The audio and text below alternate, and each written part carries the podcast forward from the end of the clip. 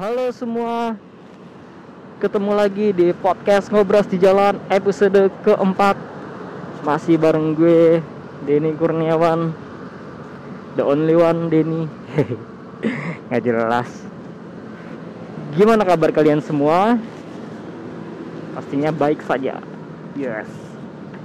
Gue mau cerita belum lama ini ya kira-kira seminggu yang lalu Gue ikut ada hmm, seminar namanya Gerakan 1000 Startup itu kerjasama oleh Google, Google Launchpad um, dan Depcom, uh, Depcominfo. Jadi acaranya seru banget, acaranya seru. Um, yang datang cukup rame. Uh, kemarin dibilang katanya sih ada 1.200 orang. Jadi uh, kemarin acaranya di Ciputra Entrepreneurship, di mana gerakan 1000 startup ini gerakannya di gue kurang kayak gerakannya pemerintah ya. Pemerintah pengen bikin uh, ada 1000 startup yang ada uh, pengen bikin 1000 startup di Indonesia goalsnya. Terus kemudian mereka ngajak kerjasama dengan Kibar. Ya, Bapak Mas Mas kayak sih nggak Pak ya. Mas ya Yansen Kamto ini sebagai kayak ini, ini inisiatornya. Kemudian um, Google Launchpad ini ada kayak sih um, semenjak tiga tahun yang lalu ya. Ada kemarin sih ada jadi uh, nantinya beberapa startup yang terpilih dari dari apa seleksi mereka akan akan dibawa oleh oleh Google. Akan dididik lah bahasanya. Dididik sama Google di San Francisco selama dua minggu. Total program sih total programnya sih enam bulan tapi uh, mereka ada di sana itu selama dua minggu untuk dididik dilatih. Uh, ya selebihnya itu remote. Dan kemarin ada pem, uh, mentor pembicara pembicara yang hadir itu ada gue lupa ada 8 atau 7 pembicara di rundown. Gue lupa gue terus ada ada dua orang uh, dari Indonesia. Satu namanya ibu ibu Eunice uh, gimana ya spell ibu ibu ibu Eunice dia salah satu dari UX 101 mungkin kalau teman-teman yang um, teman-teman yang bergerak di bidang product designer atau um, UI UX itu pasti tahu Ibu Yunis. Terus kemudian yang kedua ada Mas Boris uh, Mas Boris Mas Boris Hasibuan. Dia salah satu mentor di Google Launchpad Accelerator itu. Mentornya banyak banget, nggak cuma dari Indonesia, dari seluruh dunia gitu kan. Nah, Mas Boris ini dia sekarang lead UX di Grab. Ya, Grab Grab Singapura. Jadi kemarin um, kalau kata anak-anak forum gitu sangat langka banget ada Mas Boris ke Jakarta. Ya walaupun besoknya dia ada ngisi acara di Tokopedia. Um, kemarin uh, ada ada ada sesi diskusi panel. Diskusi panel ini ada tiga startup yang tahun lalu di 2016 itu mereka kepilih untuk bisa dilatih di San Francisco uh, sama Google dan nama mentor-mentor dari Google itu Google Expert uh, sertifikatnya ada Google Expert di UX ada Google Expert di marketing dan lain-lain. Yang mereka itu dibina. Ada ada tiga. Yang pertama uh, kerjabilitas. Kerjabilitas ini ini sebelumnya kalau misalnya ada salah tolong di koreksi kredibilitas ini mereka kayak menyalurkan teman-teman yang disable untuk bisa bekerja di beberapa perusahaan perusahaan-perusahaan mitra mereka. Jadi kalau gue lihat kayak mungkin semacam jobs DB ya atau dan sebagainya gitu, tapi untuk uh, teman-teman yang uh, disabilitas. Terus yang kedua ada Jojonomic Jojonomic ini personal finance atau something kayak gitulah uh, di di di masih di finance gitu dia. Terus yang terakhir ini yang yang gue gue sangat um, bagi gue sangat menarik gitu. Namanya e-fishery uh, waktu itu dia tulisannya Gibran. Uh, iya waktu itu tulisannya di rundownnya Gibran dalam kurung e-fishery gue pikir nih wah ini Gibran anaknya Pak Jokowi? Dia bikin startup kayak gini. Eh ternyata bukan pas gue oh ternyata bukan bukan Mas Gibran anaknya Pak Jokowi. Ya jadi e-fishery ini alat uh, otomisasi otomisasi untuk ngasih pakan ikan atau udang. Uh, ikan dan udang gitu. Base nya di Bandung.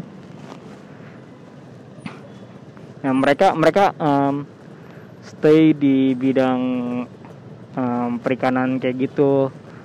Jadi mereka bikin alat uh, dari microcontroller gitu yang bisa nanti di uh, yang bisa diakses lewat smartphone atau uh, desktop desktopnya ada ada dashboard kayak gitu kita bisa jadwalin jam berapa kasih makan ikan. Terus kalau kalau yang gue lihat iklannya mereka bisa tahu tuh ikannya sudah lapar atau enggak atau belum. Jadi um, kita bisa ngasih makan ikan uh, di di waktu yang pas gitu. Jadi mencegah kayak kecurangan atau uh, pengendapan makan pakan ikan boros atau gimana gitu jadi itu solusi yang mereka pecahkan gitu. Solusi yang mereka berikan. Uh, sehari sebelumnya kan kalau ini kan tanggal 29 Oktober sehari sebelum tanggal 28 Oktober yang hari semua pemuda. Ini gue gue ngeliat ini pas banget ya kayak sehari sebelumnya um, kan ada acara di istana ya ada beberapa kayak anak-anak muda di di apa diundang ke situ uh, sebagai peringatan Sumpah Pemuda. Terus gue gue ngeliat ada ada satu uh, gue gue nggak datang. Cuma bukan nggak datang karena diundang ya. Gue gue emang emang gak diundang. Nggak tahu gitu. Ya gue gue gue ngeliat di YouTube sih. Coba pas gue lihat ada salah satu orang gitu pas uh, maju ke dep, maju ke dep, ke panggung gitu ke sebelahnya Pak Jokowi dia bilang dia dia sangat miris sih katanya dengan keadaan anak-anak zaman sekarang kayak dia dia saat ini punya punya perkebunan di daerah Tangerang. Terus ban, uh, suka suka suka ada anak-anak yang datang gitu untuk belajar atau berkunjung gitu kan. Kayak tahu kan kalau misal anak sekolah tuh ada yang ini ya ada yang apa namanya? Kayak study tour gitu. Atau belajar kelompok dari sekolahan ke perkebunan atau apa. Lu kan pernah kan kayak dulu pas zaman sekolah tuh ke puncak ke kebun stroberi kayak gitu tuh terus dia dia bilang dia miris. Kenapa? Karena setiap anak-anak yang datang ke sana nggak ada satupun yang dari mereka yang mau jadi petani atau jadi um, nelayan gitu katanya. Dia sangat miris dengan keadaan kayak gitu.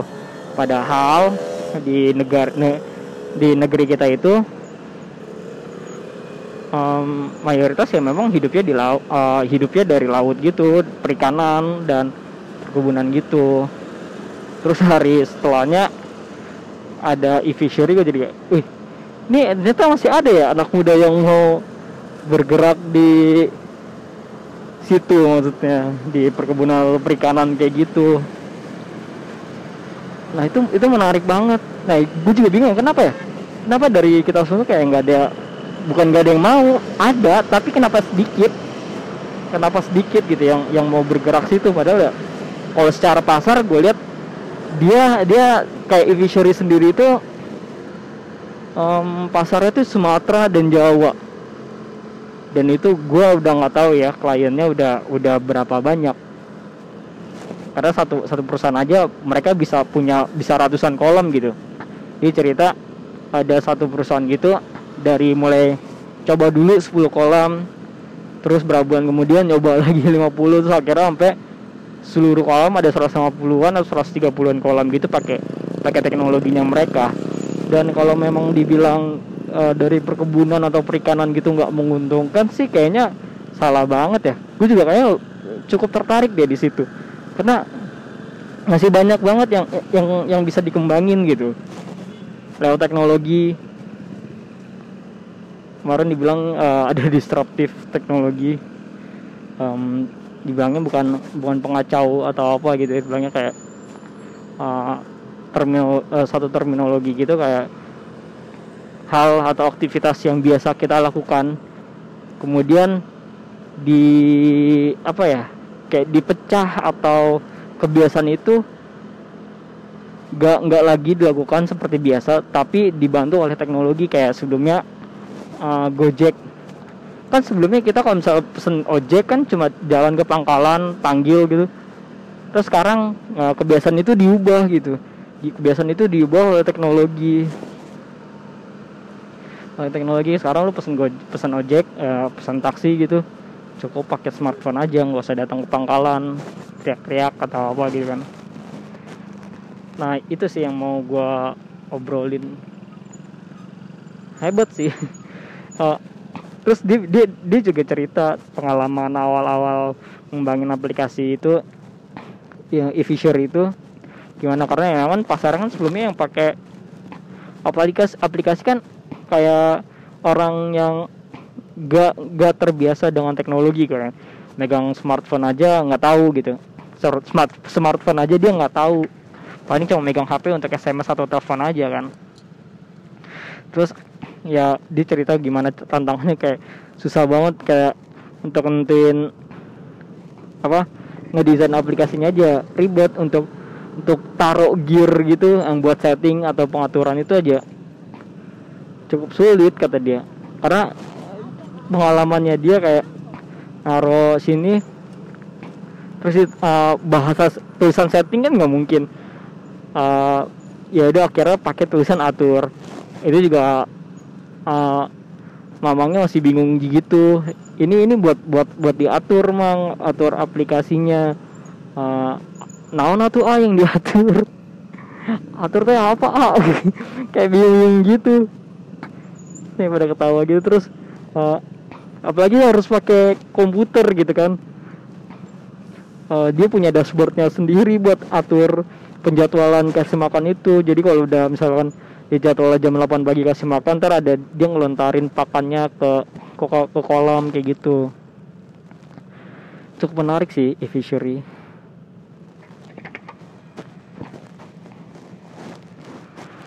hmm, mungkin dari dari teman-teman semua ada yang lagi bergerak di ada yang lagi mengembangkan startup. Karena sekarang cukup banyak ya acara-acara um, yang berkaitan sama startup itu sendiri kayak Tekinesia terus eh Tekinesia sih udah, udah cukup lama cuma uh, ya memang rutin banget bikin acara kayak gitu. Bisa masarin produk atau cari investor di situ. Terus kayak acara kemarin juga banyak banget banyak banget dari mereka yang kayak datang tuh pakai bajunya atau pakai iya pakai pakai baju itu baju ala-ala startup yang mereka kayak gitu. Jadi misalnya uh, brand brandnya mereka gitu lah brandnya startup yang mereka dan itu hebat sih. Itu itu cukup gila karena dari 1200 orang itu setiap gue setiap orang gue bro uh, gue ajak ngobrol itu ngomong gitu kayak mereka tuh punya punya punya startup sendiri. Seperti itulah. Terus terus bahasa apa lagi ya? Hmm kebetulan gue lagi lampu merah sih. Kayaknya kayaknya udah sampai situ dulu deh uh, podcast episode keempat dari gue uh, ya dah uh, bye semua. Sampai ketemu lagi di episode selanjutnya. Dadah